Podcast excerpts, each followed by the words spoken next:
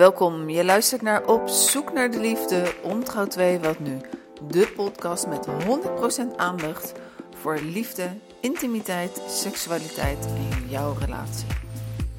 Hi, mijn naam is Annette Burgers. Ik ben relatietherapeute bij You2 Coaching en stiefcoach bij Stiefgoed Den Haag West.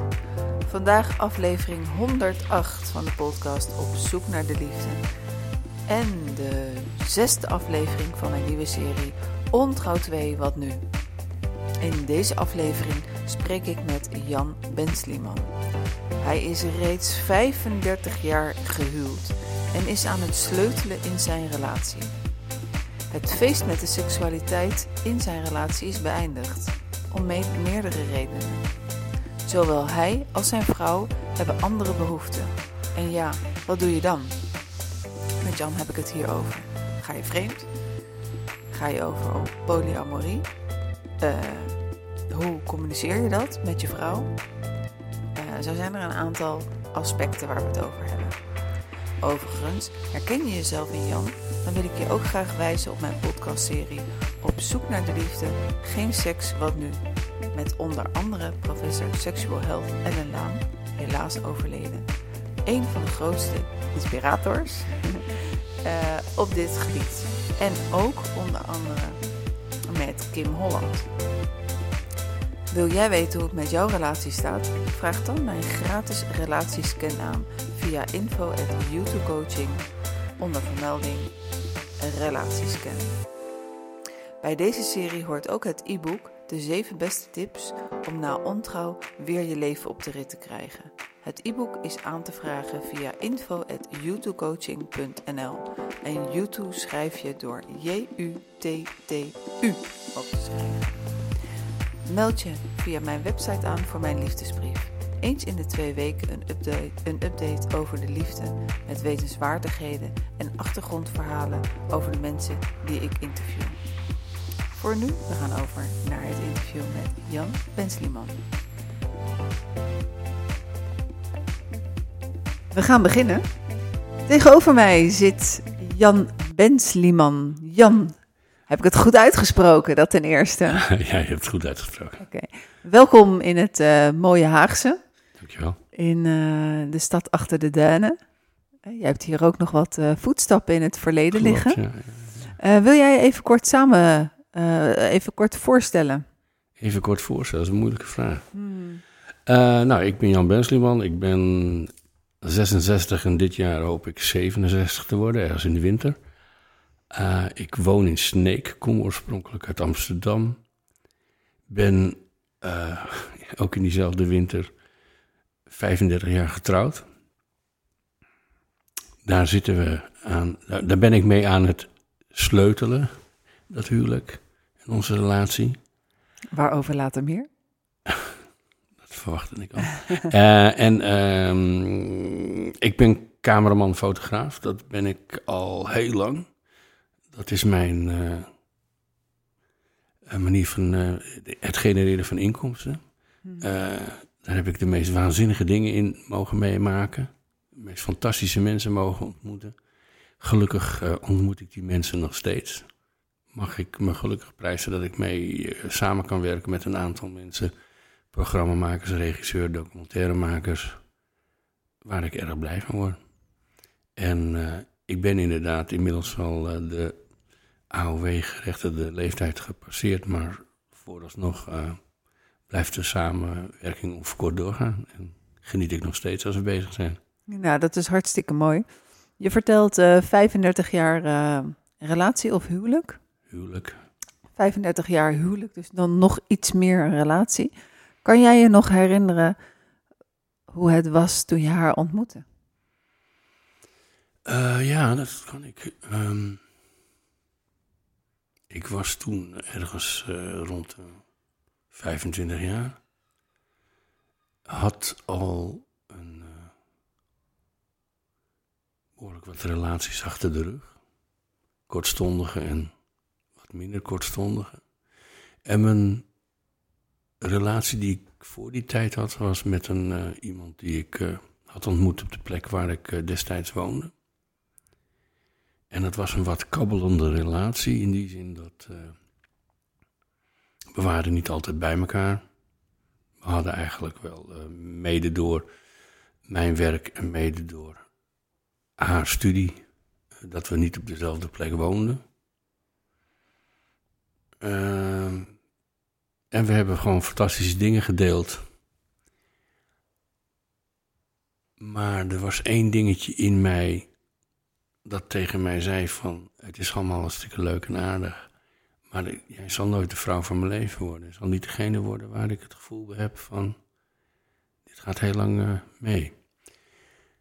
En uh, ja, dat, dat, leidde er inderdaad toe dat ik op een gegeven moment... in de plek waar ik uh, destijds ben gaan wonen, Sneek... Um,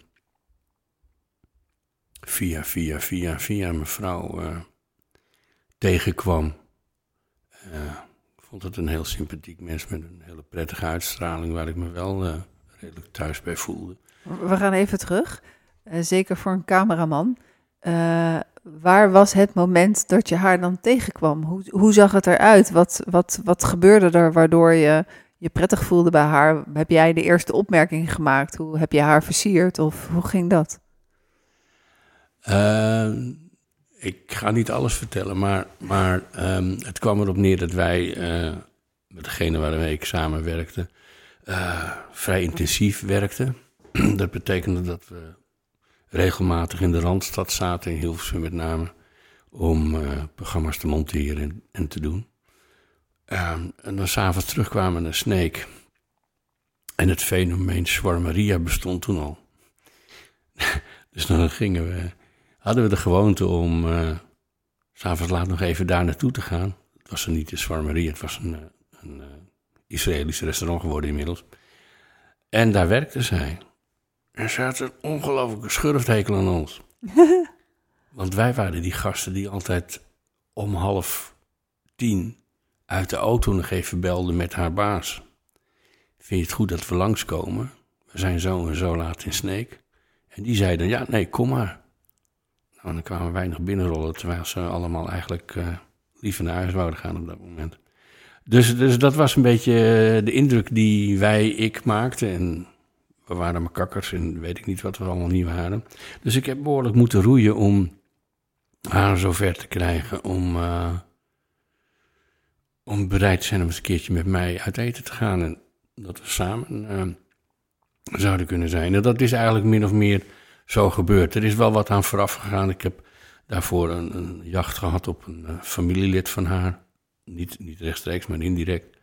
En vanuit dat uh, gebeuren waren er omstanders die zowel aan haar kant als aan mijn kant uh, dat allemaal aanmoedigen. Die zeiden, god, is dat een leuke meid, Daar moet je moeite voor gaan doen. En van haar kant waren er mensen die zeiden, god, is dat een leuke jongen. En dat heeft haar onder andere over de streep getrokken om uh, wat meer moeite te doen, om het te leren kennen. Om je een kans te geven. zoiets. En ja, van het een is toen uiteindelijk het, het ander gekomen. En zij was een mens dat mij op dat moment, uh, toen we een tijdje verkering hadden, raar woord, maar scharrelde vind ik ook zo'n raar woord, een tijdje samen waren, ook met de familie en alles wat daaromheen. Het was echt een ongelooflijk warm bad. En dat, ja, dat gaf mij een heel goed gevoel. En dat gaf mij met name het gevoel, wat ik bij de andere vriendin niet had.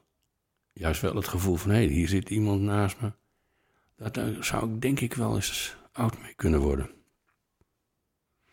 En toen is van het een het ander gekomen. We zijn getrouwd en uh, hebben fantastische kinderen gekregen. En inmiddels ook fantastische kleinkinderen. En uh, nou, ik gaf al aan, we zijn nou richting 35 jaar. Alleen de ontwikkelingen, onze ontwikkelingen gaan niet helemaal synchroon. Dat is op zich helemaal niet zo raar. Dat komt heel vaak voor. Het, het zou eerder raar zijn dat je precies uh, op hetzelfde moment hetzelfde ontwikkelt. Ja. Kijk, en ik heb je al verteld dat een groot deel van mij autodidactisch is. Ik, ik ben iemand die, uh, uh, die heel veel nadenkt over dingen. Daar behoorlijk lang over na kan denken en mee kan zitten. En zich daar dan in gaat verdiepen en erin duikt. En ja, dat, dat, dat levert in ieder geval als resultaat dat ik over bepaalde dingen totaal anders denk dan mijn partner. En daaruit ook totaal andere behoeften ontstaan dan die van mijn partner. En uh, ja, je bent, ik zei het al, uh, 66 richting 67. En je realiseert je dat het feestje hier behoorlijk eindig is. Mm. En dat je dan, ik ga me dan afvragen van ja, oké, uh, ik kan dan nog iets doen. Wil ik daar ook dan wat aan doen? En wat wil ik eraan doen? En hoe gaan we dat doen? Ik vind 35 jaar samen zijn en 35 jaar uh, dingen delen, meemaken. En dat zijn best wel intense dingen. Je, je, je naaste verliezen, bijvoorbeeld. Kinderen krijgen, kleinkinderen krijgen. Uh, een carrière opbouwen. Dingen die ontstaan. En het zou natuurlijk niet. Ja, ik zal zeggen, het, zou een beetje raar zijn om die 35 jaar te gaan ontkennen. Dat is belachelijk. Tuurlijk zijn die mooi geweest. En tuurlijk hebben we daarin heel veel voor elkaar kunnen betekenen. Maar je bereikt ook wel een moment waarop je. Uh, ik behoefte heb die mijn vrouw niet heeft. En dat is op zich uh, helemaal niet zo ontzettend raar, want dat is met name uh, na een menopauze komt het heel vaak voor dat er dingen in het systeem veranderen. Dat geldt zowel voor mannen als voor vrouwen overigens. Dus niet per definitie. En dat kan je niemand verwijten. Ik bedoel, als dat met je lichaam gebeurt en dat dat effect op jouw libido bijvoorbeeld heeft, ja, dan is dat zo. Hmm. En als je daar dan, daar praten we dus over. En het wordt duidelijk hoe iedereen daarin staat. Uh, ja, dan heb je dat te respecteren, lijkt mij. En, maar dat is wel twee kanten op, respecteren. Dus daar hebben we het dan over. Hebben jullie altijd gedurende die 35 jaar op een voor jou uh, mooie manier kunnen communiceren met elkaar? Want het hebben over uh, het effect uh, op jou als vrouw in de menopauze of het effect van een libido, dat zijn absoluut niet de makkelijkste gesprekken die je met z'n tweeën voert. Uh, ik kan een klein tipje van de sluier optillen. Ik, ik uh, bezoek een psycholoog. Waarmee... Ben ik dat? ik bezoek een psycholoog. Uh, en daar praten we over dit soort dingen mee, omdat ik voor mezelf probeer uh, duidelijk te krijgen wat er de afgelopen 66 jaar gebeurd is met mij, hoe, hoe dingen zijn ontstaan en waarom ik dan nu ben en denk zoals ik dat nu doe. Um, en wat ik daar eigenlijk simpelweg mee wil zeggen, ik, ik, ben erachter gekomen dat ik een jeugd heb gehad waarin een soort minderwaardigheidscomplex uh, is ontstaan. Uh, dat er dan toe leidt dat je jezelf uh, dingen aanleert om dingen te ontwijken, voorkomen, niet mee in aanraking, te hoeven komen. Dingen doet die je niet zou willen doen, maar die je doet omdat je uh, een masker uh, opdoet, bijvoorbeeld. En dat hele fenomeen, waar ik dus ook veel over nagedacht heb, dat hele fenomeen, dat vormt wel een rode draad door je leven heen. Over hoe je met situaties overweg bent gegaan, waarom je bepaalde beslissingen niet hebt genomen, terwijl je die misschien had moeten nemen, waarom je bepaalde gesprekken niet bent aangegaan, terwijl je die misschien wel had moeten aangaan, waardoor, waarom je je op een bepaalde manier gedragen had, die misschien niet overeenkwam met hoe je werkelijk was. Dus in die afgelopen 35 jaar um, zijn er heel veel dingen niet benoemd. En op mijn speurtocht van de afgelopen vijf jaar, tien jaar, kwam ik op een gegeven moment Ellen Laan tegen. Jij kent haar ook, je hebt ook met haar gesproken. Ik kwam ook Esther Perel tegen. Mm uh, recentelijk uh, Daphne Gakers. Ik bedoelde eigenlijk meer mee te zeggen dat ik me ben gaan verdiepen in, in seksualiteit en een hoop aspecten. En toen me eigenlijk uh, realiseerde. En daar werd ik aan de ene kant boos over en aan de andere kant ook ontzettend verdrietig over. Dat ik echt voelde dat, dat de wijze waarop ik met seksualiteit in contact ben gekomen in mijn jeugd En hoe degene die mij misschien hadden kunnen helpen, dat niet gedaan hebben. Uh, en nou loop ik eigenlijk anderen de schuld te geven. Maar goed, uh, het is toch een beetje de werkelijkheid. Dat die hele leerschool, die hele leerweg om aan het achter dingen te komen op seksueel gebied, ja, die heeft heel lang stilgestaan. Het was een beetje, je nam aan dat het moest zoals het moest en zoals je het hoorde en noem het maar op, die, die hele optelsom. En zolang je ook in de seksuele relaties die je had, om welke reden dan ook, het kan mijn dominantie zijn geweest, het kan zijn dat het gewoon in de bespreekbaarheid in het algemeen een moeilijk ding is om over te praten. En dat zowel voor mij als voor de partners gold. Daar ook echt, in principe daarin, niet echt een enorme ontwikkeling is geweest. Je maakte wel wat dingen mee, maar dat waren meer op zich staande ervaringen. Dan dat je daarmee aan de haal ging om te begrijpen waarom dingen waren zoals ze waren. Um, ja, mijn vraag was uh, over de communicatie. Hè? Van hoe was dat? Om, uh, hoe hebben jullie dat gesprek opgepakt? Uh, opge ja. opgepakt? Ja. Je gaf aan van ik ben naar een psycholoog gegaan. Ik heb mezelf vragen gesteld. maar uiteindelijk ben je toch naar je vrouw gegaan om, om dat gesprek te openen. Ja. Nou ja, in essentie kwam het er inderdaad op neer dat wij onze gesprek over seksualiteit ook niet veelvuldig voorkwamen, eigenlijk bijna niet voorkwamen. Um, en op een gegeven moment, een jaar of vijftien geleden, toen we uh, de liefde bedreven en daaraan vooraf gegaan, was al eigenlijk een soort onvrede over uh, de manier waarop het ging en het, het, het, nou, de hele dynamiek er om seksualiteit heen. Onvrede bij jou? Uh, ja. Of ook bij haar? Nou, dat bleek dus zo te zijn. Oké. nee, de essentie was dat uh, uh, we hadden wel gemeenschap, maar ik had altijd het gevoel dat dat of plaatsvond als zij te veel gedronken had, of plaatsvond, en dan kreeg ik het gevoel bij dat, dat dat gedaan werd, wat je vaak, hoorde ik tenminste tegenkom, gebeurde om de man te behagen. Dan ben ik er vanaf. Iets in die, die geest. Maar dan, dan krijg je wel een dynamiek waarbij, waarbij je het gevoel hebt van ja, maar zo egocentrisch ben ik nou ook weer niet. Dat als het zo moet, dan krijg ik iets niet terug wat ik eigenlijk wel graag terug zou willen krijgen. Uh, en dat, dat moment dat het toen zo expliciet voordeed, uh, besloot mij om heel cru op dat moment, en misschien was dat ook uit onmacht, te zeggen van ja, kijk, als het jou niet behaagt, dan zet ik er nou ook een punt achter, want uh, ik doe het niet alleen maar voor mezelf. Ik wil graag iets terugkrijgen. Heel stoer dacht ik, of nou, dit, dit stoer kun je ook schrappen.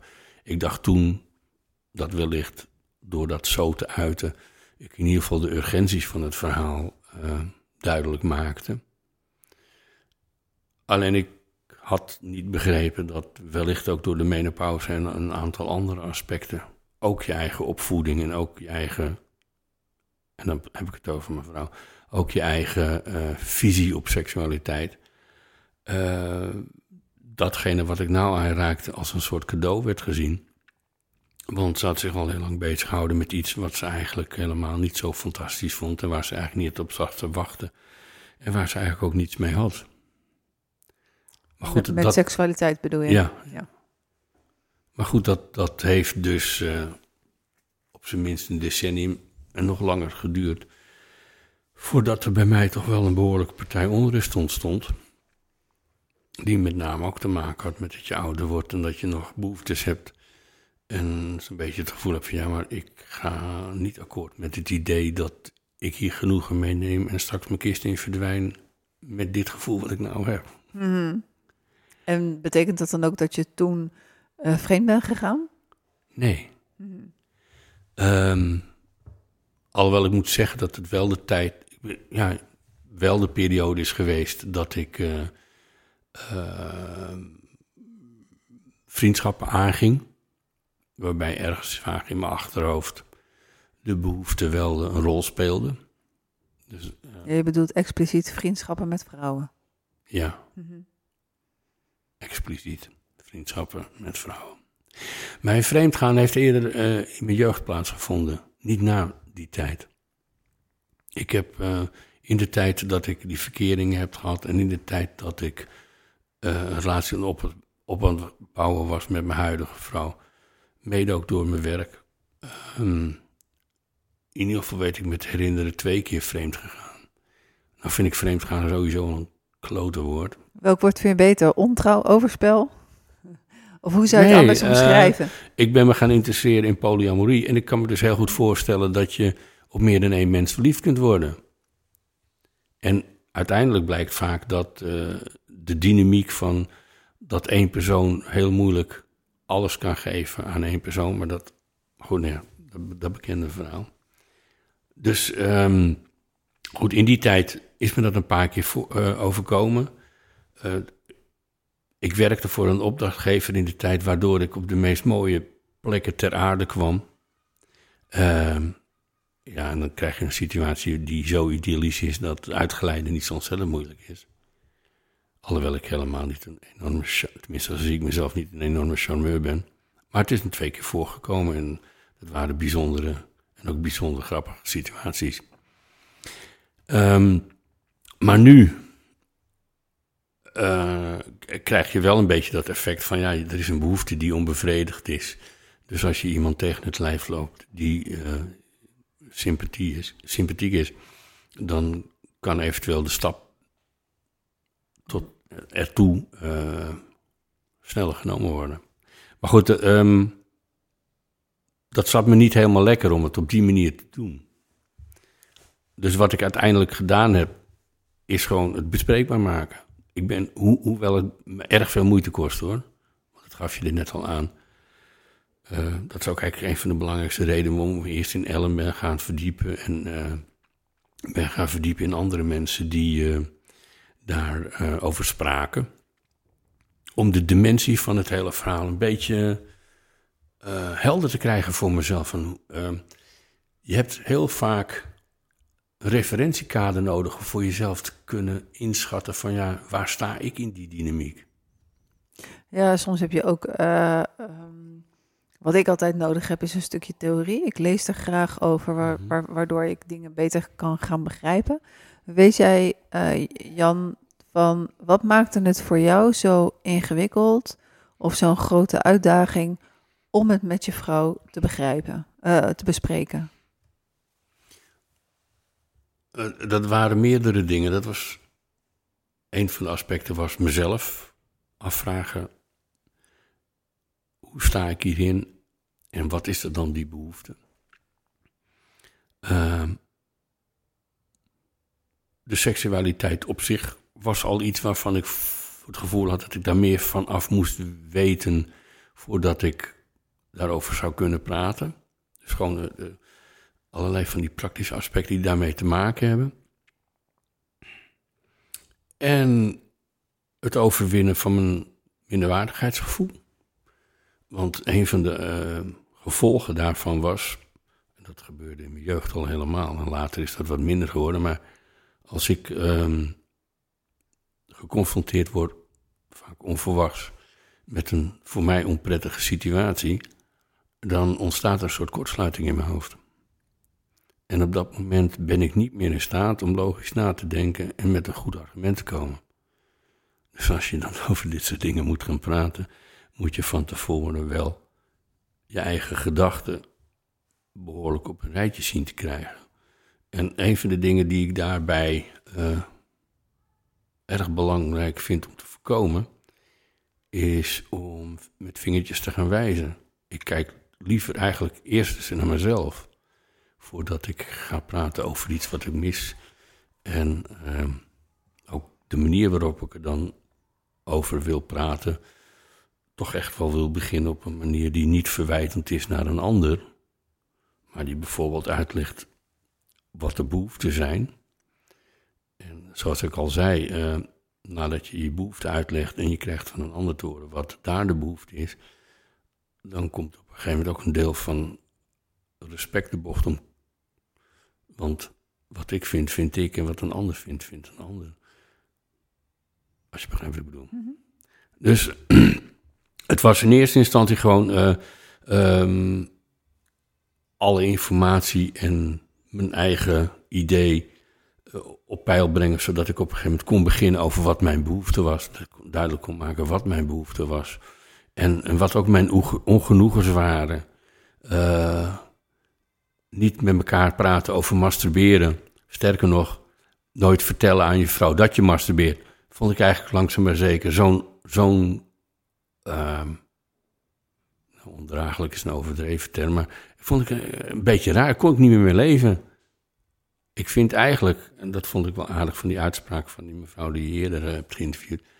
eh, als, je niet je eigen, als je niet jezelf kunt zijn en daarover kunt praten met degene waar je je leven mee deelt. En echt kunt blootleggen, dan is er iets niet goed. Daar komt het een beetje op neer. En daar, daar, daar, daar ben ik zelf enorm schuldig aan, in dat hele verhaal. Meestal zijn er twee angsten die heel erg groot zijn, waardoor mensen eh, met heel veel spullen in hun hoofd er toch niet over praten. En dat is de angst voor afwijzing. Van wat nou als ik eerlijk ben en ik vertel dat ik, eh, ja, omdat wij geen seks hebben, eh, ik noem maar wat, 14 keer per week eh, masturbeer. Wat, wat zegt mijn partner dan van? Zegt zij van, ik, ik, daar is het gat van de deur. En de andere angst is de angst om je partner te kwetsen. Van wat in dit geval, van ja, wat doet dat met haar, wat zou het met haar kunnen doen? Eh, als ik zou vertellen dat ik eh 14 keer per week, ik, ik noem maar een fictief eh, getal, hè, voor alle duidelijkheid. Wat, wat, wat, wat kwets ik, wat, wat, wat Ik kan ik haar voor, verdriet doen?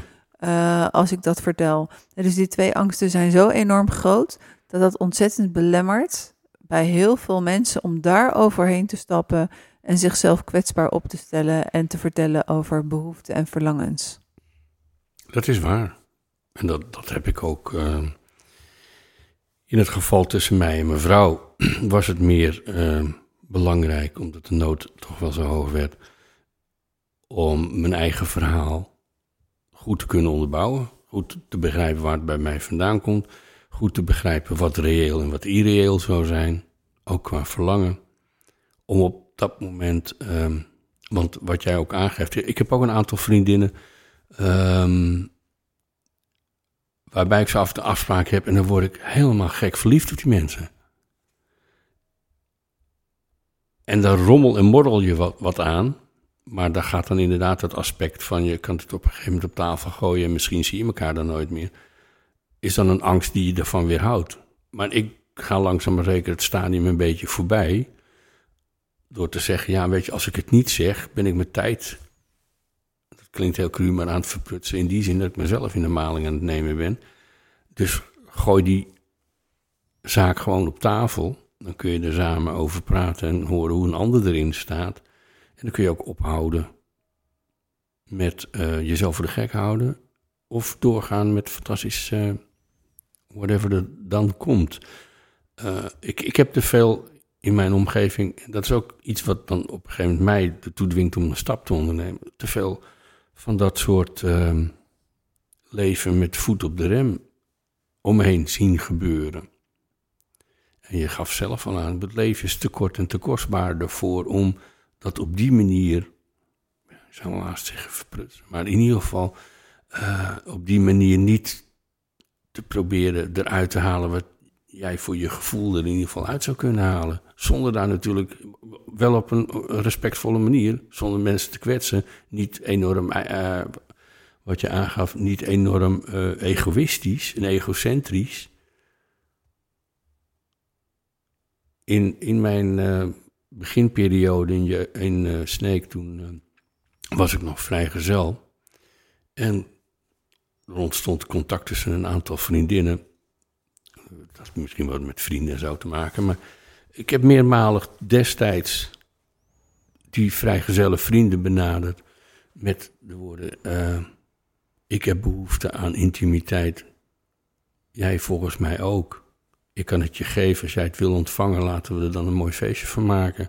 En dat was echt bedoeld en dat zei ik er ook overigens bij, daar kun je nog van alles van vinden, uh, dat het avances niet bedoeld waren om een relatie te beginnen, maar gewoon om elkaar iets te geven waar je op dat moment misschien een schreeuwende behoefte aan had.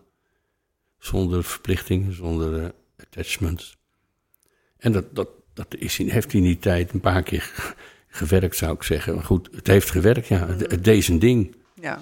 En, en dat, uh, dat levert in ieder geval nog één vriendin op... waar ik een hele fijne periode toen heb meegemaakt. En we zijn nog steeds goede vrienden. Als we, terug, als we teruggaan naar dat uh, gesprek met je vrouw... waar je dan mm -hmm. uh, op, op dag X, moment Y...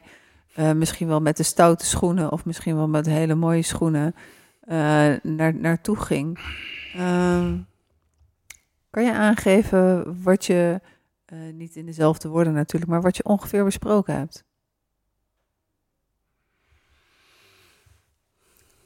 Ik denk dat ik uh, eigenlijk wel begonnen ben met uh, duidelijk te maken dat ik behoeftes heb die, die ik niet onbeantwoord kan laten totdat het niet meer kan. En zo is langzaam maar zeker ons gesprek op gang gekomen. En heeft zij haar visie uh, daarin kenbaar gemaakt. En die was heel duidelijk. Ze wil geen professionele hulp. Uh, seksualiteit is ook iets wat totaal een afgesloten verhaal is. Dus je komt al in dat gesprek, in dat eerste gesprek, snel in de buurt van: oké, okay, dan is er in ieder geval een wederzijdse. Uh, je dat?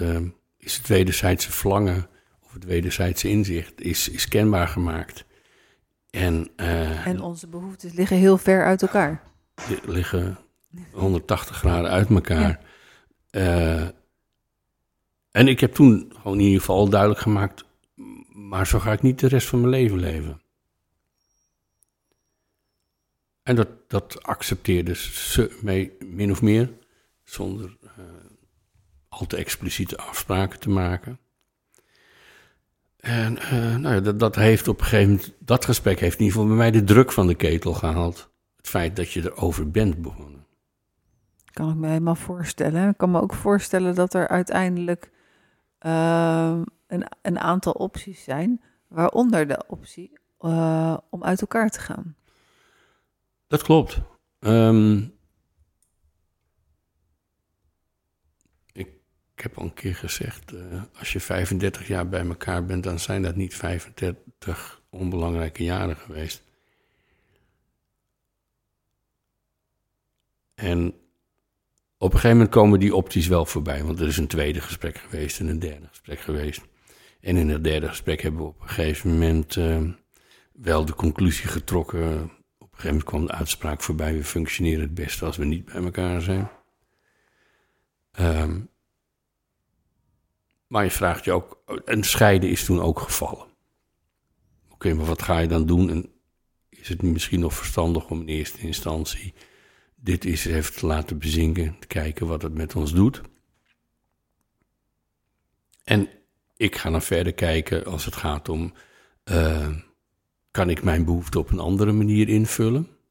Is dat, en dat stadium moeten we nog bereiken, zou dat een, een, een manier kunnen zijn waar mijn vrouw ook vrede mee heeft als ik het op die manier doe.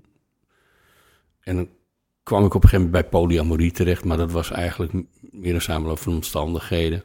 Natuurlijk geloof ik in, de, in het fundament van polyamorie. Ik bedoel, waarom zouden meer mensen niet tegelijkertijd van elkaar kunnen houden? Maar of het in onze situatie een haalbaar uh, concept is, dat betwijfel ik dan weer. Maar, betwijfelde je toen of dat betwijfel je nu? Eigenlijk allebei. Okay, maar en toen, toen in ieder geval. Ja, dus uiteindelijk uh, um, gaat het toch een beetje de kant op dat ik uh, uh, mijn relaties met mijn vriendinnen niet onder stoelen of banken schuif. Daar heb ik het over, openlijk over. Um, en dat is voor mij een stap. Mm -hmm. maar de, als ik het goed begrijp, hè, correct me if I'm wrong jij hebt toen aangegeven van, nou, dit zijn mijn behoeften. Zij heeft aangegeven, voor mij hoeft seks niet meer. Ehm, jullie hebben met elkaar besloten, eh, en dat, dat zijn geheel mijn woorden, want daar, daar, dat heb ik niet gehoord van. Maar we houden genoeg van elkaar of we hebben een, uh, een dusdanig leven samen, dat willen we niet opgeven. En dan weet ik niet of het feit dat je samen kinderen hebt of samen kleinkinderen of uh, het huis waar je woont daar ook een onderdeel van zijn. dus laten we dat, we gaan niet uit elkaar. dus laten we kijken welke mogelijkheden slash onmogelijkheden er dan zijn. Exact. Hmm. En, uh, en dan zeg je van, oké, okay, daar in, in die ontwikkeling zitten jullie nog, klopt dat? Ja. En wat is voor jou uh, het meest ideale als, uh, als jouw vrouw zou zeggen van, oké, okay, is dat een, een open relatie? Is dat, um, hoe, hoe zie je het voor je? Wat, wat, wat is het meest wenselijk voor je? Als ik het heb over het echt het meest wenselijke voor mij, dan zou dat zijn dat. Um,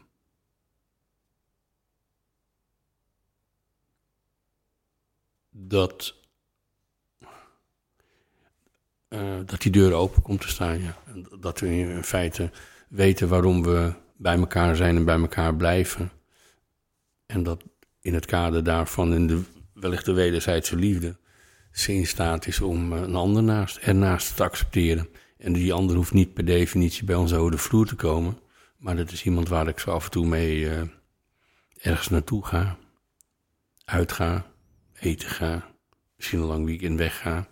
Hmm. En heb je zo iemand al gevonden? Nee. Dat nog niet? Nee. Nee, dat zou waarschijnlijk, als het wel het geval zou zijn, ook wellicht het gesprek eenvoudiger maken. Omdat je dan inderdaad dat gaat betrekken in het gesprek. Hmm.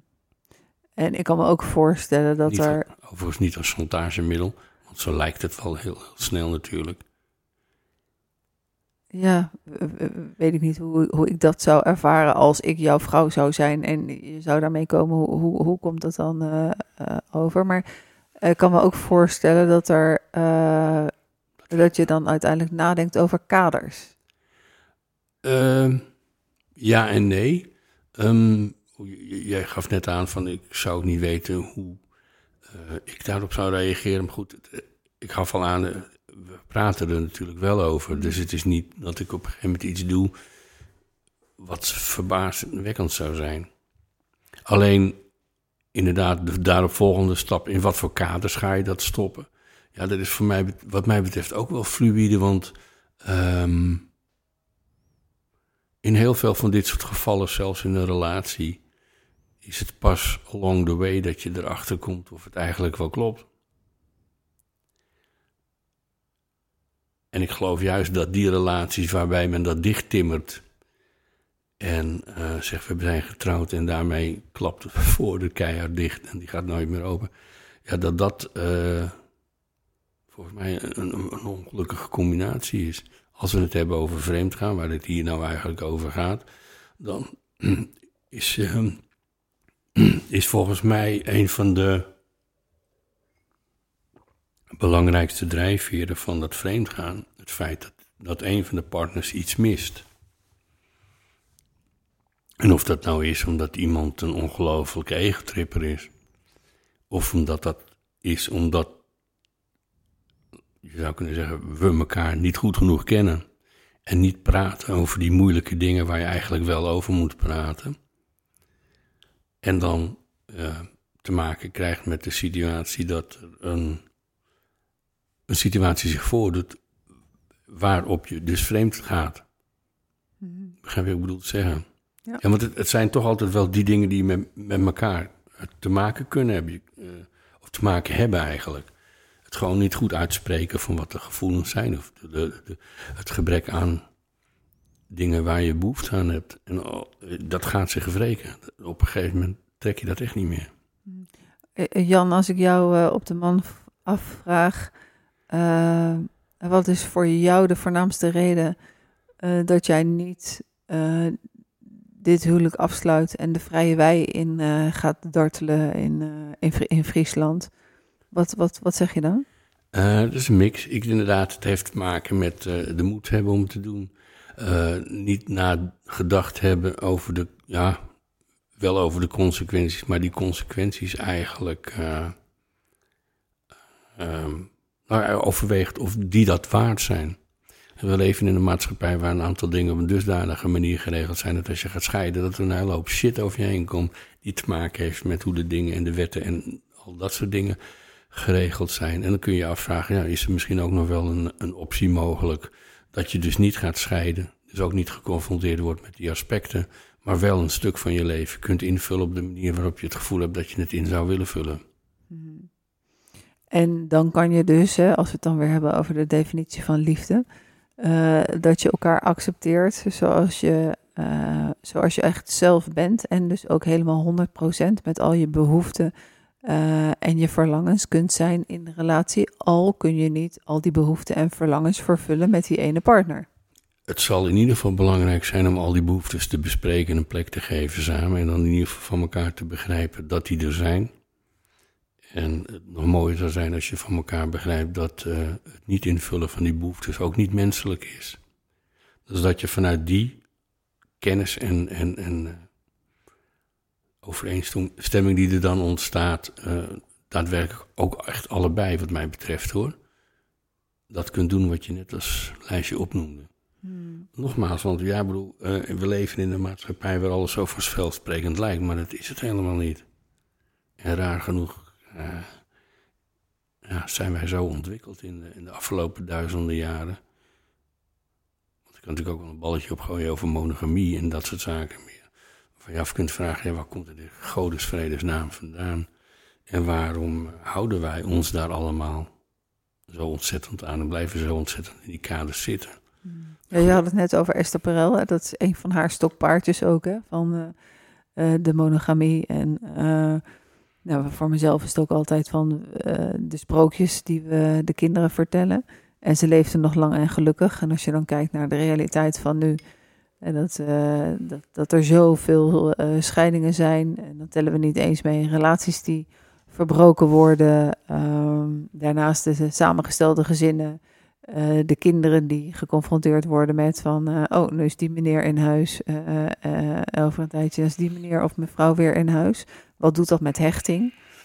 Jij gaf in het begin van ons gesprek gaf je ook aan van een stuk voorlichting, wat jij gemist hebt. Ja, ik laat jou nou even een pennetje zoeken, omdat je nou net iets noemt met Esperel en dergelijke, wat ik toch wel ook wel iets vind om zo meteen nog even op terug te komen. Ja, en dat, dat, dat kan gewoon. He, dus, Um, nou weet ik wel even niet meer waar ik nou zelf uh, naar, naartoe aan het gaan was. Maar in ieder geval uh, de huidige samenleving met uh, steeds wisselende contacten. Wat dat doet met kinderen, wat dat doet met hechting. En wat dat doet met relaties en ons beeld van relaties. Daar we aan de ene kant nog steeds de sprookjes voorlezen. En ze leeft nog lang en gelukkig. Aan de andere kant een hele generatie met goede tijden, slechte tijden is opgevoed. Daar waar het uh, in het verleden altijd zo was dat we aan de eettafel zaten en met z'n allen aan het eten waren en de gesprekjes hadden over wat heb jij vandaag gedaan. Uh, zitten, uh, heeft, is een generatie opgevoed met het bord op schoot op de bank, kijkend naar goede tijden, slechte tijden. En was dat het stukje educatie wat jij niet hebt gekregen?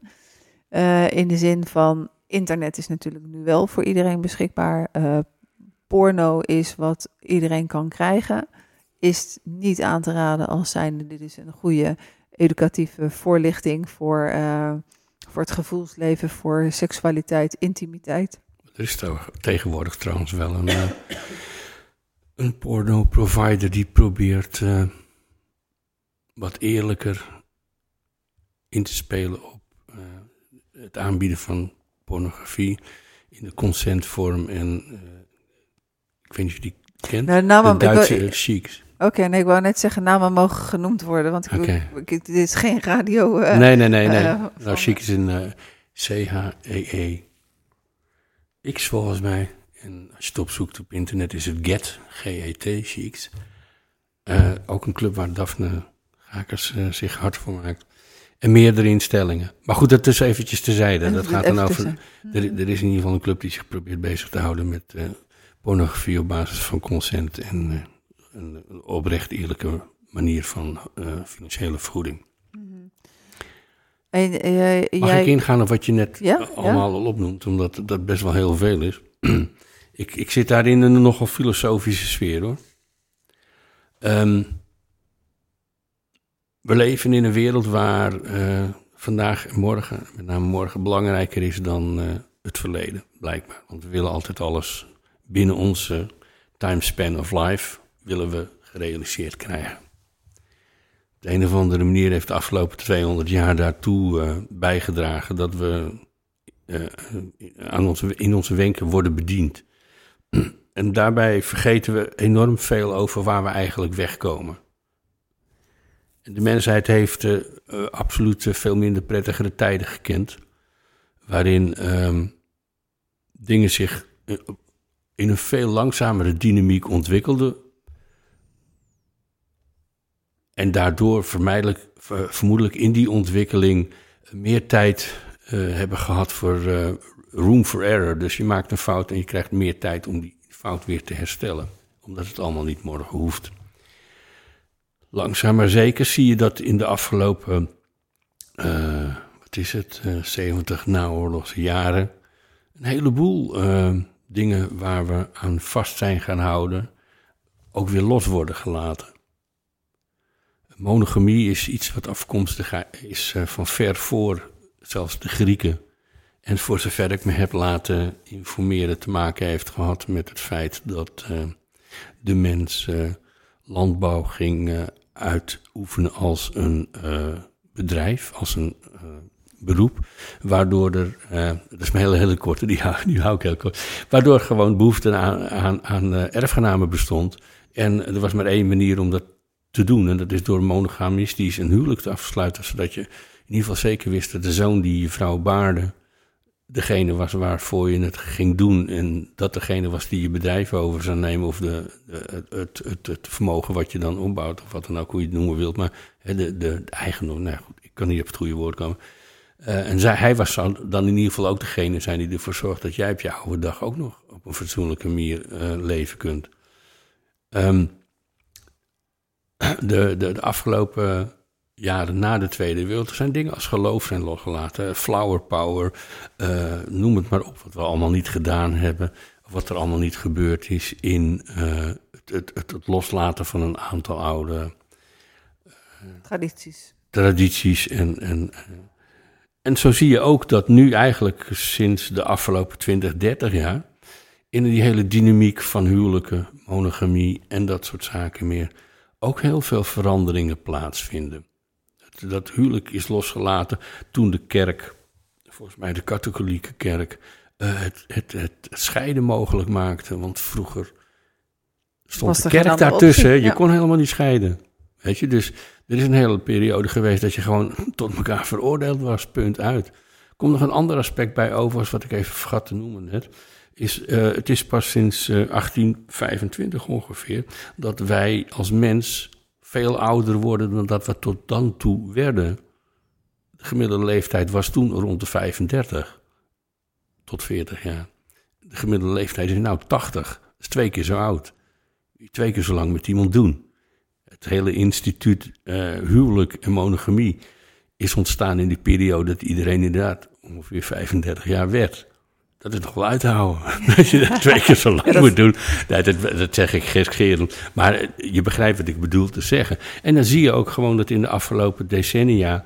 langzaam maar zeker daar ook bij de jeugd... wel een, wel een, een, een andere manier van omgang plaatsvindt. En we hebben jarenlang... Uh, opgezien naar de scheidings, echtscheidingscijfers in de Verenigde Staten. Want daar was het dan op een gegeven moment één op de twee huwelijken strand langzaam maar zeker is dat de oceaan overgekomen en is het scheiden nu veel meer aangenomen uh, en geaccepteerd gegeven. Ja, en dan krijg je natuurlijk, omdat, omdat die dynamiek beweegt, krijg je ook in, in de verwerking daarvan met allerlei vraagstukken te maken.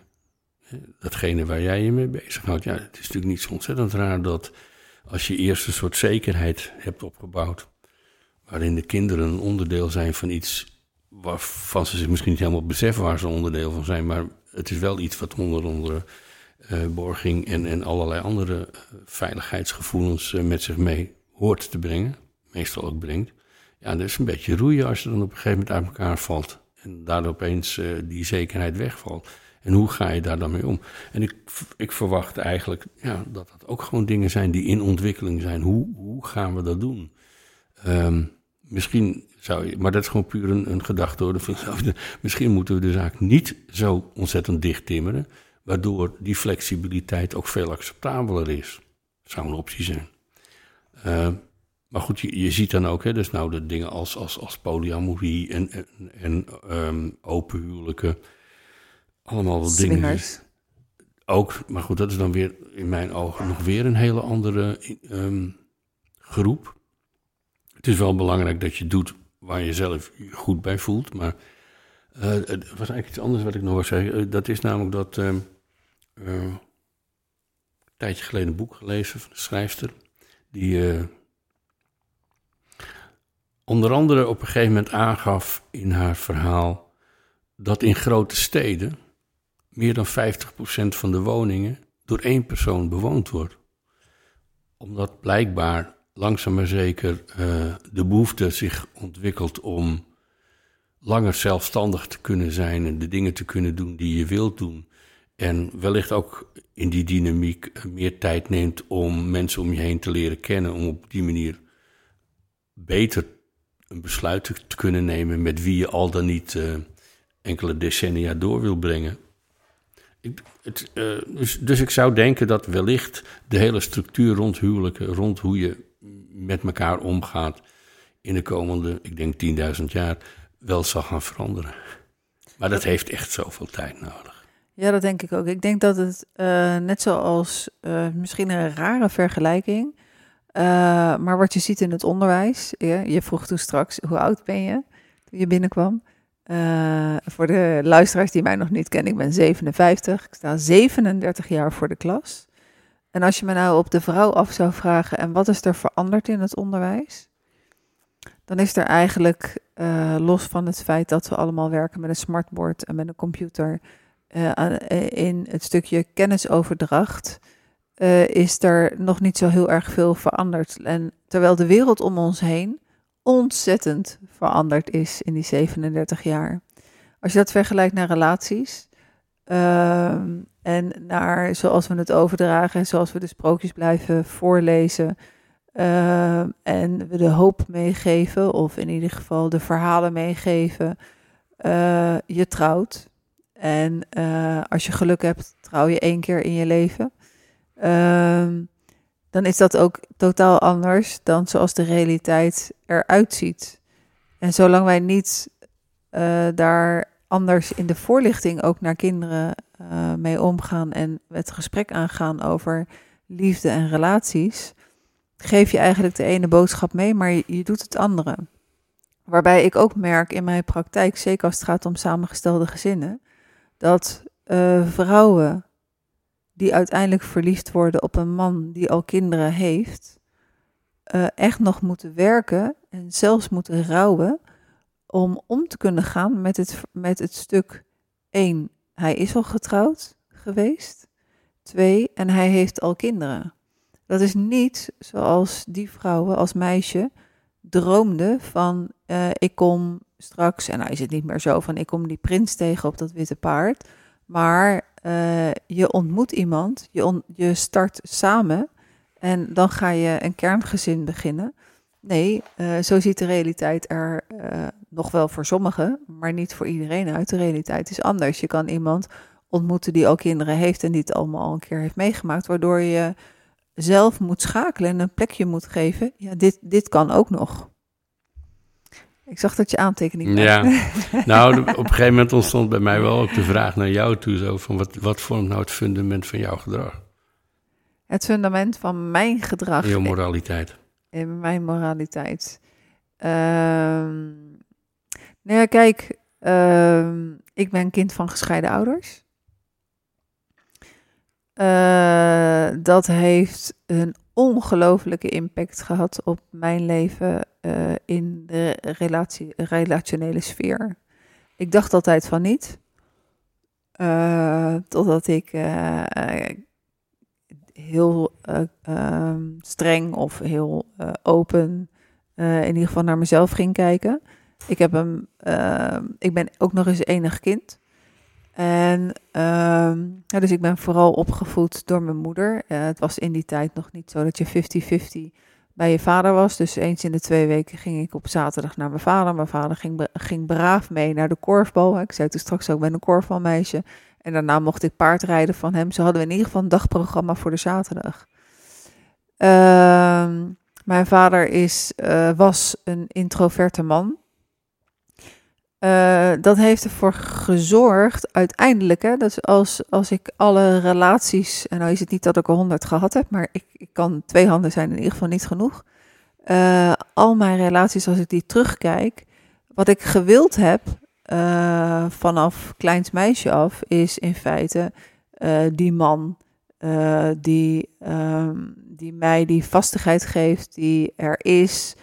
Uh, waar je aan kan spiegelen, uh, die relatie. Maar ik ben dat nooit, nooit gewend van huis uit. Dus als ik in zo'n situatie terechtkom en ik kan me nog met als de dag van gisteren herinneren dat er uh, op een bepaald moment een man was in mijn leven die zei van, nou Annette, ik ben ongelooflijk tevreden met één vaas en die ene bloem en die ene bloem ben jij. Ik heb niet behoefte aan meer bloemen in mijn leven. Alleen ik was dat helemaal nooit gewend. Ik was dat nooit gewend om te krijgen wat ik, waar ik eigenlijk naar streefde. Dat is dan heel uh, tegenstrijdig. Ik was meer gewend om, uh, om, um, uh, om, om op zoek te gaan naar de aandacht en naar het contact zoals ik gewend was bij mijn vader. Als, als ik iets wilde, dan moest ik eruit. Dan moest ik. Um, uitreiken. En uh, nou, dat heeft jaren geduurd voordat ik uiteindelijk wakker werd vanuit mijn eigen patroon. Van hé, maar wat ben ik nou aan het doen? Ik, ik zoek die man. Uh, en tegelijkertijd, als ik zo'n man vind, dan benauwt het me. En dan zoek ik eigenlijk uh, iemand op, waar ik toch steeds weer, die ik steeds weer moet veroveren. Zoals één keer in de twee weken ik mijn vader moest veroveren, voor mijn gevoel. Dus uh, dat heeft wel heel lang, uh, was dat de basis van uh, mijn fundament, in ieder geval van mijn gedrag naar mannen toe. Heb je antwoord? Dus, met, nou, ja, met andere woorden, um, jij zocht naar een beeld wat in je jeugd ontstaan was, niet omdat je daar zelf op was gekomen, maar omdat dat een onderdeel was van de omgeving waarin je opgroeide. Absoluut. Dus ben je dan. Ja, dus in essentie probeer ik dus te zeggen van. Dus je ziet al hoe groot die externe invloeden zijn op jezelf. Dus je gaat in dit geval op zoek naar iets waar je wellicht niet zelf voor bent gekomen, waar je niet uh, op acteert vanuit eigen ervaring en dacht, hé, hey, dat vind ik fijn, daar ga ik eens naar zoeken. Ja, fijn in de zin van dat je op een geborgen wijze die aandacht kreeg en dat als, hè, als prettig ervoer. Maar niet uh, in, in iets wat. En er is geen oordeel hoor. Ik probeer eigenlijk een beetje weer te geven dat ik geloof dat wij als mensen voor het overgrote deel zo functioneren. Het, het is veel uh, wat je meekrijgt. Het is veel de cultuur en de omgeving waarin je geboren wordt. Veel, veel gebruikt argument. Die eigenlijk in zijn geheel in combinatie met een stuk van je eigen karakter, uh, bepaalt hoe je je gedraagt. Bepaalt ja. hoe je naar zoek, op zoek gaat. Bepaalt hoe je op dingen reageert. Ik wou nog even terug. Sorry. Nee, nog één mooi ja. aspect om hier uh, op aan te vullen, denk ik. Uh, ergens kreeg ik een relatie en die meneer die had in de zomer daarvoor een dame ontmoet ehm, met haar man op, op een camping in Frankrijk. Uh, en die dame had als grote wens om een, trio te hebben met die meneer die ik dan ontmoette. En uh, op dat moment na die vakantie uh, kregen wij een, een, een, beginnende relatie. En hij ging voor een lunchafspraak naar Amsterdam, waar die dame in kwestie uh, woonde. Ik vond dat super ingewikkeld. Ik had ontzettende uh, angstige gevoelens. Uh, oh, helemaal vanuit jezelf. Jaloezie van, uh, oh mijn god, wat, wat gaat hier gebeuren? Ja. En een heel goede vriend van mij, die zei op dat moment tegen mij... Annette, wat zou het ongelooflijk mooi zijn als jij zijn schoenen zou poetsen, zijn stropdas zou strijken en vanuit liefde hem een heel mooie dag toe zou kunnen wensen. Die woorden die uh, tot de dag van gisteren uh, weet ik die ook nog steeds. Ik weet precies in welke context hij, zei mij, hij die woorden mij vertelde. Maar ik, ik was er toen nog niet aan toe. En los van het feit dat de man in kwestie uh, geen schoenen droeg die gepoetst moesten worden en geen stropdas aandeed. Ja, maar de kern, de kern maar is de, wel de, de, kern was duidelijk. Maar hoe, lief, hoe, hoe, blij zou jij worden als je daar wel toe in staat? Nou ja, en absoluut. Hè, er zijn wat, uh, wat jaren voorbij gegaan. En ik heb ergens nou ja, een paar jaar geleden de beslissing genomen om te leven vanuit liefde, vertrouwen, acceptatie en overgave. En elke keer bewust als ik merk van, goh, ik zit in, in angst. Om bij mezelf te onderzoeken, wat is dit voor een angst? Als ik zat in frustratie, waar komt deze frustratie vandaan? Uh, en vooral een stukje wat mij niet vreemd was, controlegedrag. Uh, jaloezie, schuld, schaamte. en ik heb besloten, en dat is niet dat je dat van een op de andere dag ineens kan. Daar gaat echt wel wat water door, door de Rijn om, om dat ook te leren. Maar steeds beter vanuit, ik wil niet vanuit angst leven, ik wil niet vanuit controlegedrag leven. Dus wat betekent dat als ik een partner tref die uh, een afspraak wil maken met iemand vanuit het verleden? Of wat betekent dat als, uh, als ik zeg van, van nou, ik ben in, in, in, een relatie, maar ik wil nog heel erg graag die en die man ontmoeten vanuit dat stukje.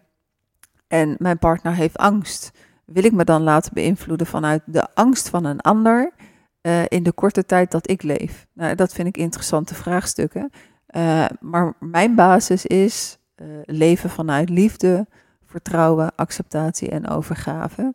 En wat er dan op mijn pad komt, hè, dus als, als, ik terug zou gaan in de tijd en, die meneer die toen naar Amsterdam ging om zijn vakantieliefde te ontmoeten, om dan inderdaad vanuit mijn fundament te kunnen zeggen: Lieve schat, ik heb je schoenen gepoetst, ik heb je stropdas gestreken en ik wens je met al mijn liefde en vertrouwen een heel mooie dag toe.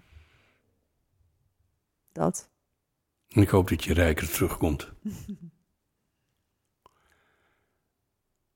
ja, mooi. Ik wil toch nog wel eventjes doorschakelen. terug, ja. Want ik vind het fantastisch wat je zegt. En ik geloof dat, uh, wat, weet je, er komen vragen in me op in de zin van hoezeer denk jij dat jouw verleden en dat wat je geleerd hebt en zo, en hoe de maatschappij in dingen staat en dat soort dingen meer, uh, invloed heeft gehad op jou, die remmend werkte om uiteindelijk toch tot de woorden te komen die je zo net opnoemt over liefde, vertrouwen en dergelijke. Want ik geloof wel dat dat inderdaad uh, werk aan de winkel is. Dat dat inderdaad iets is van dat je dat vermoedelijk of je moet super intelligent zijn. Gelukkig zijn die mensen er ook. Als cameraman ben ik die ook tegengekomen.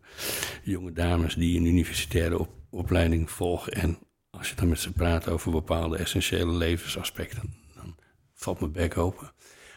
Op die leeftijd. Maar goed, dat even da daar gelaten. Dat je inderdaad heel veel levenservaring op moet doen om voor jezelf op een gegeven moment inzichtelijk te krijgen. Ja, maar uh, hoe sta ik nou eigenlijk in? Wat ga ik hiervan los? laten en overboord gooien. En, en wat komt daar bij mij voor in de plaats om daar echt aan te gaan werken?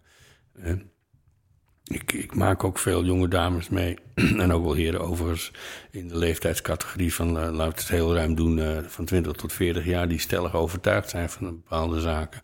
Maar waarvan ik gevoelsmatig weet, en iedereen moet het voor zichzelf weten, ik wil absoluut uh, niet generaliserend zijn, maar in, veel gevallen toch wel een soort déjà vu is van oké, nee, die heb ik ook wel voorbij zien komen. In mijn vak gebeurt het ook heel erg.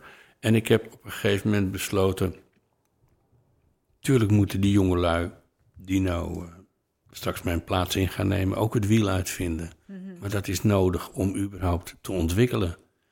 Dus datzelfde geldt voor die 40-jarigen. Als je het dan zelf nog niet helemaal op een rijtje hebt, dan zul je het moeten meemaken en daaruit lering trekken om die volgende stap te kunnen maken. Hmm. En dat geldt voor jou idem dito. Je hebt natuurlijk een bagage. Niks menselijks is mij vreemd, absoluut nee. niet. maar dat is wel mooi. Ja, Uiteindelijk is het hartstikke mooi. Ik bedoel, uh, daar word je geestelijk wat mij betreft in ieder geval ongelooflijk rijk van. En ik geloof dat dat een veel mooiere waarde, waarde is dan mijn bankrekening. Absoluut, ben ik helemaal met je eens. Nou, Ehm, heb ik jij- had dat opgeschreven. Je had wat opgeschreven. Want hoe, hoe ver zijn we al in dat uur? Nou, we zijn al over het uur één, dus eh, we gaan heel langzaam, Langzaam naar de naar afronding. Maar ik zou zeggen, niet te doen, toch? Dat is eigenlijk niet te doen. Nee, want ik, ik, inderdaad, toen we het hadden over opleiding, eh, school en dergelijke... toen dacht ik opeens, hey, zou die hedendaagse school... zou dat niet gewoon de nieuwe kerk aan het worden zijn? Een instituut dat zijn eigen belang zo, ehm, daar zo mee omgaat... dat die vertrutting en die, die, die stappen die er eigenlijk zouden moeten worden ondernomen... niet genomen worden omdat men zich te veel om allerlei redenen nog vasthoudt aan het oude patroon. Twee dingen die ik daarbij bij wil aanvoeren. Eh A, sowieso de sekszusjes, naakt voor de klas. Iedereen juicht dat. En ik vind sowieso dat inderdaad seksuele voorlichting eh, in het laatste deel van het eh, basisonderwijs en zeker in het begin van het voortgezet onderwijs gewoon standaard zou moeten zijn, waar gewoon de hele shebang op tafel komt. En ehm, dat dus. ja, Nou, als ik dan na ga denken over de tegenkrachten die daar ontstaan, dan wil je dat niet weten. Nee, nee, nee, maar ik ga heel even aan toevoegen dat, dat, dat de, ehm de sekszusjes heet ze. Maar, maar in ieder geval, het heet seksuele vorming en voor mij hoort daarbij. En gelukkig zit ik in de omstandigheden dat ik, eh, dat ik daar een steentje aan bij- kan dragen in het Haagse onderwijs. Eh, het gaat ook om van hoe ga je om met verliefdheid, hoe ga je om met rouw, hoe ga je om met scheidingen. Alles, Ja, dus daar ben het- ik helemaal het, met je het eens. stukje is het vorming. het is een eh, heel pakket. Het is niet, ik, ik heb het nou dan even over de wat makkelijker uit te flappen algemene termen. Natuurlijk gaat het over een heel breed pakket met, met alle emoties en dergelijke. Maar het is interessant wat je zegt, de vergelijking van de kerk en school. Eh, die parkeren we even, anders zitten we een hele dag. eh, ja, nee, nog, ik ga eh, er verder mee, maar je ja, begrijpt wat ja, ik ja, bedoel te zeggen exact, eigenlijk. Ja. Ja, want in een andere discussie die ik van de week nog had, waar het gaat over eh, wat doen we nou aan een wereld waarin wij leven en hoe eh, gaan we onszelf nou eens een keer veranderen om niet zo ontzettend veel, eh, zo'n ontzettend grote footprint te hebben. Daar komt ook op een gegeven moment eh, ja, dat, dat daar een belangrijke rol voor het onderwijs ligt. En ik ben er, hè, dat kan ik alleen al aan mezelf relateren, en dan komen we denk ik wel in de buurt van het einde, dat eh, een, een groot deel van wat ik ervaar in mijn jeugd, wat ik meekrijg, bepaalt hoe ik met die problemen omga. Dus als ik een, een mooie handreiking krijg om mij in een goede richting, dat is natuurlijk wel, eh, wat is dan die goede richting? Precies. Maar, maar er zit wel, en bedoel, we hebben de wetenschap, we hebben zoveel dingen om langzaam maar zeker toch wel een beetje te weten van waar het om gaat. Eh, nou ja, dat in dat hele systeem niet eh, ook in het onderwijs daaraan aandacht besteed wordt. Waardoor je, je als mens met veel minder drempels en frustraties en onkunde en andere belemmeringen door het leven kunt gaan. En kunt, gewoon kunt zeggen, ik vind jou een mooie vrouw. Dankjewel. Eh nog eventjes heel kort voor, eh, eh, om, om naar het einde te gaan, hè, de, de afronding. Waarbij we even samenvatten wat, wat jouw punt is, wat je graag wilde vertellen ook. Het, het stuk het bespreekbaar maken in de relatie. Heb je een tip voor mensen die dat toch nog ingewikkeld vinden om. eh, om eh, want ik, ik, Ja, ik weet, niet wat je pre- ik weet niet precies het cijfer, maar eh, het verschil in kwantiteit en kwaliteit in de behoeften en verlangens tot de seksuele relatie binnen de relatie. wat leidt naar vreemdgaan en van vreemdgaan leidt naar het aantal echtscheidingen, is wel een, een, een hoog cijfer. Dus er zijn veel echtscheidingen die. eh, 1 uit- op de 6. eh, Oké, hier, mooi cijfer. 1 op de 6 echtscheidingen komt dus voort uit ehm, Vreemd gaan. vreemd gaan. En dat komt weer voort onder andere uit verschillende behoeftes op, met betrekking tot de kwantiteit en de kwaliteit. Ehm, dus als luisteraars zijn die dat heel lastig vinden om dat te bespreken, dat is een traject wat jij doorlopen hebt, heb je daar een tip voor? Eh, Er kan weer een heel lang antwoord op komen. Ehm, in de kern geloof ik dat uh, de belangrijkste tip is dat je je moet realiseren. Ehm, dat moment gaat komen. Dus communiceer daarover. Hoe moeilijk dat ook is. Maar als, er, als jij in je leven ehm, en binnen je relatie kampt met een, met, een, met een wrijving die dermate grote impact op je heeft, dat eventueel vreemdgaan een gevolg daarvan zou kunnen zijn, omdat je een brandende behoefte bevredigd wilt zien, dan is het gewoon belangrijk dat je eerst met elkaar gaat praten over de kern van het probleem. En dat is namelijk dat je blijkbaar bij elkaar iets mist wat je ergens anders zoekt. Nou, ga er in godsvreesnaam over praten. Ja, Was er, eh, zeg je dan eigenlijk ook van het moment gaat komen, want er komt een moment dat de pijn, het gemis zo groot is dat je niet anders meer kan? Absoluut. En daarvoor doe je eigenlijk aan een soort van uh, struisvogelpolitiek. Ja. En ik ben bang dat uh, als, je dat niet, als je dat niet op die manier ervaart, dan ben je gewoon een van die vele mensen die het leven met één voet op de rem leven. Mm. En we weten allebei waarom we dat niet willen. Precies. Dus en en uh, dan wordt het bespreekbaar en dan kan je uiteindelijk met elkaar uitvogelen. Uh, wordt het wel een scheiding? Kunnen we bij elkaar blijven en maken we bepaalde afspraken? Exact. Ja, want daar komt het wel op neer. Het is, hoe zinloos is het om met elkaar te leven als je niet, uh, als je niet het potje bent wat op dat dekseltje past, of omgekeerd, het dekseltje wat op dat potje past. Mm -hmm. Dan kan je wel inderdaad struisvogelpolitiek plegen en voor de, de schone schijn whatever doen. Waar word je daar gelukkig van? Ik niet, nee. Dan gaan we naar de, naar de laatste vraag. En je hebt al wat, je hebt geloof ik één podcast helemaal uitgeluisterd. Ja, dat was die van, ja, van, van met Ellen aan. Van Ellen. En volgens mij heb ik hem haar niet gesteld, maar dat weet ik niet meer helemaal. Mijn, mijn, eigenlijk is altijd mijn laatste vraag. Welke vraag heb ik niet gesteld, maar wil je toch nog graag het antwoord op geven?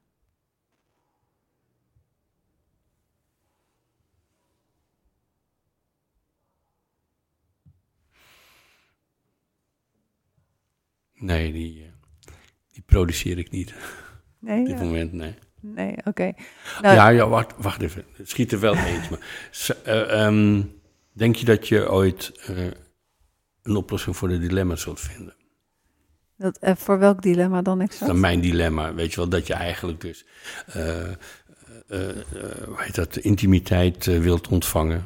En dat dat voor jou een soort van levenselixer is. Uh, nee, dat gaat dan over mezelf. Die vraag zou je dus aan mij stellen en ik niet aan jou. Oké, okay, nou bij deze.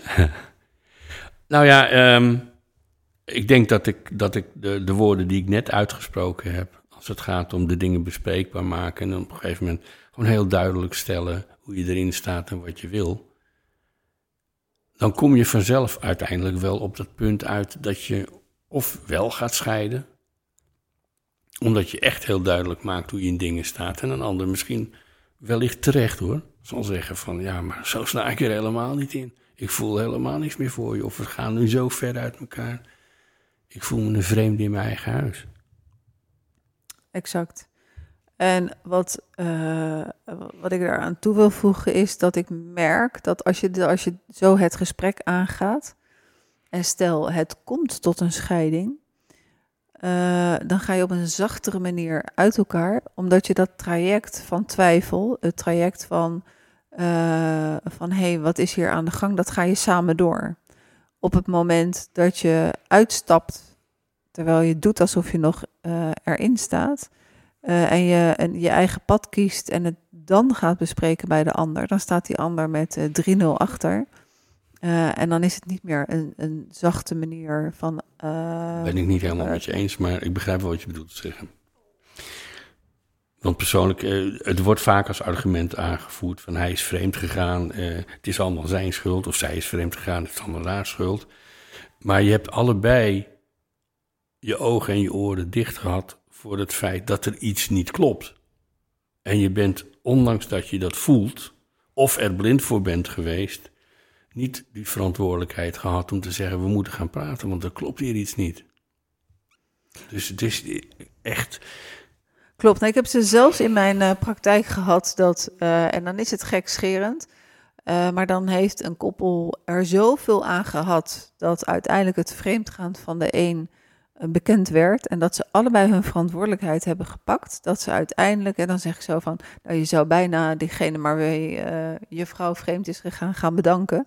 Dat iemand ook zegt van, ja bijna wel, want het heeft me zoveel opgeleverd in hoe wij nu met elkaar omgaan, dat we echt een nieuwe relatie hebben 2.0 met uh, veel meer intimiteit, veel meer verbinding. Absoluut. En, uh, er zit zoveel winst. Precies, hè? Dat, ja. er, uh, dat het eigenlijk een ongelooflijk mooi ah, cadeau is ja. in een uh, foeilelijke verpakking. Dat dan ja. weer wel. Nou ja, zoiets, weet je.